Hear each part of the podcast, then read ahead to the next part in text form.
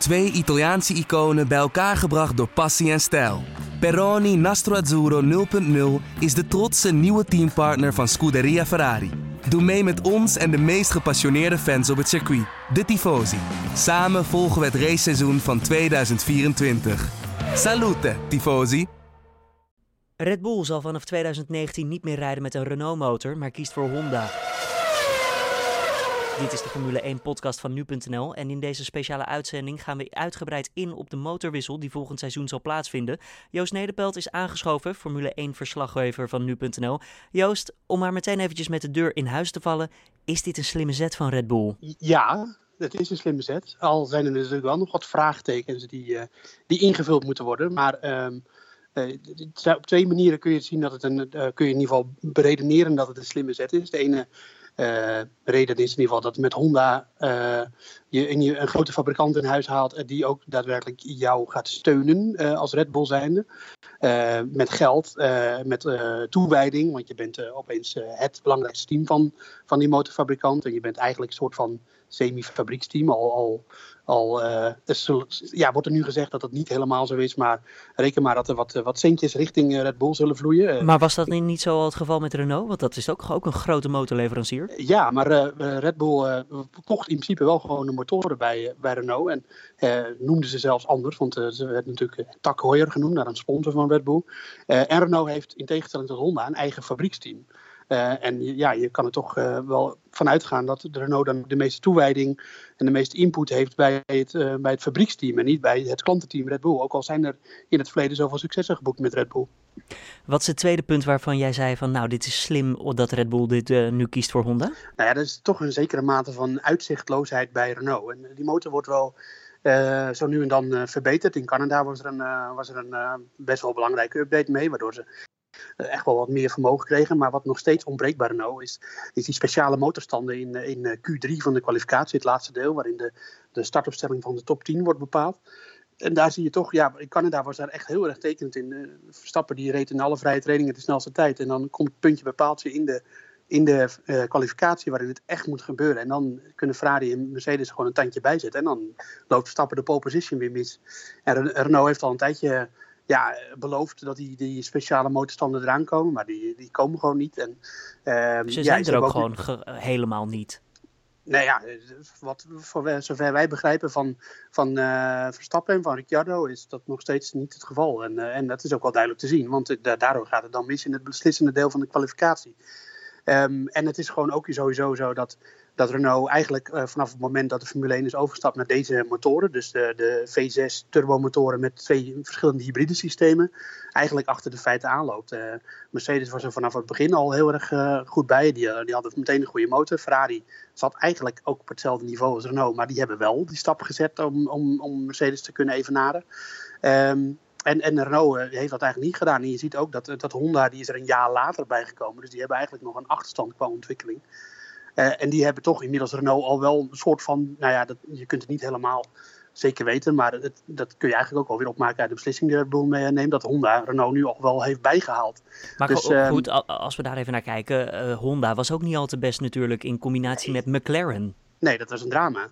Maar dat is misschien juist het, het, mooie aan dit hele verhaal. Je hebt een ander team, een McLaren, heb je de, de, de, hele periode van kinderziektes en alles uh, laten doorstaan. Met, uh, met het gevolg van een breuk van Honda en McLaren als, uh, uiteindelijk. En, en, en, en Red Bull kan nu met de veel verbeterde Honda-motor, want hij is verbeterd, kunnen ze ja, soort van aan de haal gaan. En McLaren was er gewoon klaar mee, om het zo maar te zeggen. Maar ja, je, nu druppelt toch ook wel een beetje naar buiten dat Honda ook wel vond dat het voor een deel aan McLaren lag. En dat kun je nu ook wel weer zien, want McLaren rijdt nu met de Renault-motor, dezelfde als Red Bull. En die kunnen Red Bull bij lange na niet bijhouden. Dus McLaren deed het altijd voorkomen van ja, we hebben een hele goede auto, maar de motor is slecht. Uh, maar dat, niets blijkt minder waard, want de auto is ook gewoon niet zo goed. En dat, maar ligt het dan ook voor een deel gewoon aan aerodynamica en misschien gewoon inderdaad chassisonderdelen, hoe het allemaal op elkaar aangesloten zit? Nou ja, het is uh, uh, twee dingen. In ieder geval de, de McLaren, daar werd gezegd, ja het is een hele goede auto. maar omdat er de hondenmotor erin zit, is hij slecht. En vallen ze ook steeds uit. Nou, dat hij uitvalt, dat ligt inderdaad aan de Honda-motor. Maar het gebrek aan tempo lag echt niet alleen aan de Honda-motor. Want dat, ja, dat zeg ik, dat kun je nu zien aan, aan het feit dat ze met de Renault-motor ook nog steeds echt veel langzamer zijn dan Red Bull. En de tweede, uh, Toro Rosso reed vorig jaar nog met de Renault motor en die rijden nu met de Honda motor. En die zijn er eigenlijk qua prestaties niet echt op achteruit gegaan. Dus dat geeft eigenlijk wel te denken dat, de, de dat het voor een groot deel ook aan McLaren lag. En, uh, en, en dat uh, Honda, die, die, ja, die, daar hoor je nu ook wel. Kijk, het is niet echt om de Japanse stijl om dan achteraf heel erg te gaan klagen. Maar ze vonden wel dat, dat McLaren heel veel eisend was. En dat het niet echt een samenwerking was, maar dat McLaren dicteerde en dat Honda dingen moest doen. Ja. En een, een belangrijk voordeel, voorbeeld daarvan is dat, uh, dat uh, op het moment dat Honda zich introduceerde bij McLaren, uh, gelijk dat een hele smalle motor moest maken, omdat McLaren zo smal mogelijk achterkant van de auto wilde hebben.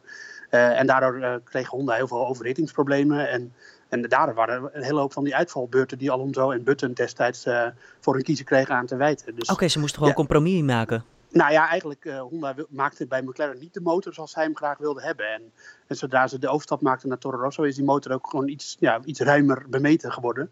Uh, en dat heeft weer voordelen voor de koeling en vooral het, uh, het voorkomen dat dingen overhitten. Maar dus, denk je dat Renault het jammer vindt dat Red Bull vertrekt? Nou ja, Renault wilde denk ik wel heel graag dat Red Bull zou blijven. Um, daar hebben ze in ieder geval wel hun best voor gedaan om, om dat uh, voor elkaar te krijgen. Maar misschien ook uh, hun best omdat ze toch wel eigenlijk wel aan zagen komen dat Red Bull zou vertrekken.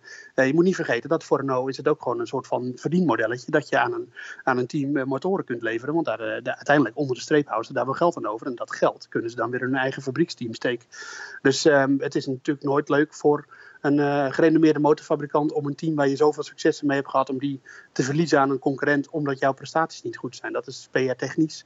En dat is uiteindelijk toch de reden waarom fabrikanten in de Formule 1 zitten. Niet helemaal, uh, komt niet helemaal lekker uit. Dan uh, ja, gaan we even naar volgend jaar. De verwachtingen. Die wissel is dus nu gemaakt. Uh, Honda die zal nu echt gewoon volle beuk uh, geven om die motor klaar te krijgen voor de Red Bull. Is er al, ja, ja wat, kunnen, wat kunnen we hiervan opmaken? Nou ja, Honda heeft zelf gezegd, uh, en dat is misschien een beetje bescheidenheid, maar ik denk dat het wel realistisch is om te zeggen, we willen vooral dat Red Bull geen stap achteruit maakt in eerste instantie. Dat ze dus niet volgend jaar al merken van, hé, we hebben nu de Honda motor en die is dan toch, toch uiteindelijk langzamer dan de Renault motor. Dat is, dat is natuurlijk een eerste prioriteit om te zorgen dat de, de presteren van Red Bull gelijkwaardig blijft. Maar het, het uiteindelijke doel is natuurlijk om, om uh, te groeien in, uh, in tempo en in ontwikkeling. En ja, ik denk ook dat daar Honda meer toe in staat is dan, dan Renault. Dat heeft alleen al met geld te maken. En daar is Honda echt aan veel mee gemoeid om, om nu echt van het, het nieuwste Formule 1 project. Want het is al de vierde keer dat Honda betrokken is bij de Formule 1 om hier een succes van te maken. Ja, dan zou je ook kunnen zeggen van na vier keer zou je toch eindelijk leren dat het dus blijkbaar niet lukt en niet kan. Nee, maar ze hebben het wel al eerder laten zien. dus Honda heeft in eind jaren 80, begin jaren 90 grote successen gekend. Ook met McLaren. Daarom wilde McLaren misschien wel weer zo graag met Honda en zee. En ja, Honda is de grootste fabrikant van brandstofmotoren ter wereld. En die kunnen zich niet veroorloven om, om een volledig mislukt Formule 1 project uh, af te leveren. Dus ja, en het, het zijn ook echt, uh, ze, ze, hebben er echt passie voor in de sport. Alle Japanse merken zijn bijna betrokken bij racerijen. Dus uh, het is niet zo dat Honda uh, nu, uh, als het nu niet lukt, de handdoek in de ring gooit. Die, die moet, het moet slagen. Echt, het moet slagen voor Honda. En, en ja, daar, daar gaat heel veel geld tegenaan gegooid worden. Hoeveel jaren krijgen ze daarvoor? Nou, in eerste instantie maar twee jaar. Omdat in 2021 komt er een nieuwe motorenformule. En ja, dan wordt er weer van alles geroepen over uh, met wie Red Bull dan in zee zou gaan. Maar ja, als het dan bevalt met Honda de komende twee jaar, dan denk ik dat, dat Red Bull gewoon bij Honda blijft. Al is Aston Martin, uh, die staat natuurlijk uh, groot op de, op de auto. Dat is een titelsponsor van Red Bull. Die zou ook in, in beweging zijn om, om tot een Formule 1 motor te komen in 2021. En dan ja, moeten we afwachten of Red Bull dan daar weer mee in zee gaat. Maar ja, maar ik goed, ik wil niet advocaat van de duivel zijn. Maar als uh, Honda op dit moment als doelstelling heeft om het niet slechter te laten gaan. En ze hebben nog maar twee jaar. Dan is dus eigenlijk van, dan staan ze volgend jaar derde en het jaar daarop ook weer derde. Dat is niet heel erg positief. Daar hebben we niet echt iets om naar uit te kijken. Nee, maar wat moet, er, wat moet Honda dan zeggen? Moet Honda nu zeggen van ja, we gaan volgend jaar uh, een, een motor afleveren die elke race kan winnen? Dat kunnen ze niet beloven, want dat, ze weten helemaal niet of ze dat waar kunnen maken. Um, wat ze wel denken ze waar kunnen maken, en dat kun je natuurlijk ook afleiden uit het feit dat ze met Toro Rosso, uh, Toro de Renault motoren heeft ingeleverd voor de Honda motoren en dat die er niet op achteruit zijn gegaan. En dat, dat weten ze wel vrijwel zeker dat ze dat kunnen leveren. Maar uh, begrijp niet verkeerd en begrijp vooral Honda niet verkeerd. Die willen echt graag dat, dat, uh, dat er heel veel gewonnen gaat worden met die auto. En het liefst ook volgend jaar al en zeker het jaar daarna. Dus um, ja, Verstappen-fans die nu bang zijn dat, dat, dat de Red Bull erop achteruit gaat. Ik denk dat dat echt wel mee zal vallen. En ik denk echt dat het perspectief bij Honda alleen maar dankzij het surplus aan geld en, en mensen en inzet En het feit dat je een fabrieks, nou ja, semi-fabrieksteam bent en niet een klant van Renault. dat het perspectief echt veel beter is dan dat ze bij Renault waren gebleven. Dus wat dat betreft is er echt reden om optimistisch te zijn. Ja, nou, dit jaar blijft Red Bull in ieder geval nog wel bij Renault. Dat moet ook nog wel. Hebben de Fransen sowieso nog wel een. Ja, zien zij nog de noodzaak om te investeren in de motor voor dit seizoen? Ja, want ze hebben zelf een fabrieksteam. En daar, daar moet gewoon vooruitgang geboekt worden gaat Red Bull er iets van merken? Nou, je zal waarschijnlijk, uh, zullen ze wel merken dat er op een gegeven moment, als er een nieuwe update is van Renault, dat, dat er dan wat minder uh, data wordt gedeeld met Red Bull. Want ja, alles wat Renault dan ontwikkelt, dat, dat vindt Honda dan natuurlijk ook weer interessant. Want motorenfabrikanten en Formule 1 teams in het algeheel vinden het zeer interessant om bij elkaar in de keuken te kijken. Want daar kun je altijd weer wat van opsteken. Gaat twee kanten dus op, toch? Net zoals dat Renault denkt van, hé, hey, de aerodynamica, dat ziet er goed uit. Ja, dat, dat, ja, goed. Ik weet niet in hoeverre Renault inzicht heeft in de data maar, van, van Red Bull. Maar uh, als uh, een ander team met jouw motor uh, het jouw team op een rondje kunt zetten, kan zetten tijdens een Grand Prix, dan weet je dat je van dat team nog wat kan leren. Het is sowieso voor Red Bull al lekker dat ze met Honda en een auto met Honda en een auto met Renault motor hebben, want uh, Toro Rosso rijdt natuurlijk al met de Honda motor.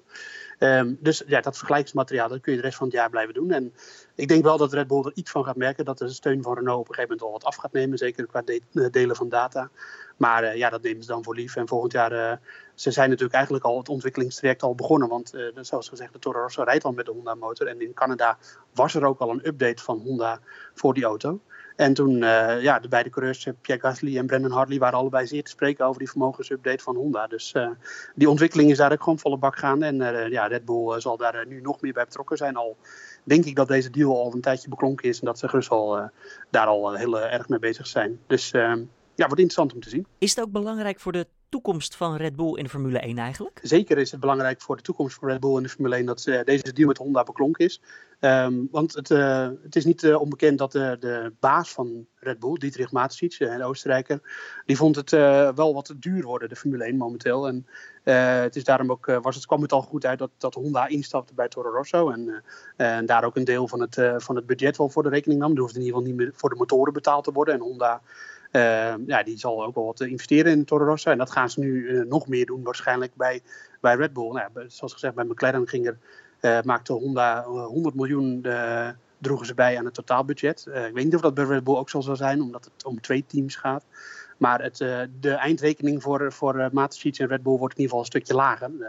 Uh, en daardoor wordt het misschien weer aantrekkelijker om langer in de Formule 1 te blijven. Want voor de Renault moesten ze betalen. En voor het hele totaalbudget van het team en ook voor Toro Rosso moest ook uh, gewoon betaald worden. En, ja, ze krijgen uh, wat ademruimte. Want enig idee ja. hoeveel ze per jaar gewoon erin pompen, Red Bull? Nou, dat, ja, dat zul je nooit helemaal weten. Maar dat ligt, bedrag ligt wel waarschijnlijk ergens tussen de 400 en 500 miljoen euro. Alleen voor Red Bull Racing. En dan nog eens misschien 150 à 200 miljoen voor Toro Rosso erbij. Dus dat is een stevige rekening. En als Honda daar een deel van voor de rekening kan nemen, dan is dat natuurlijk uh, goed nieuws voor Red Bull. Het is niet zozeer dat er dan geld overblijft en dat dat dan weer in Red Bull Racing wordt gepompt. Ik denk eerder dat Red Bull gewoon blij is dat de rekening wat lager uitpakt. En dat biedt weer meer to toekomstperspectief voor uh, een langere aanwezigheid van Red Bull in de Formule 1. Uh, of Toro Rosso ook nog heel lang blijft bestaan, daar twijfel ik een beetje aan. En dat kun je aan bepaalde dingen merken. Dat bijvoorbeeld het, de talentenpool van Red Bull droogt een beetje uit. Er zijn niet, heel opgevuld. Veel...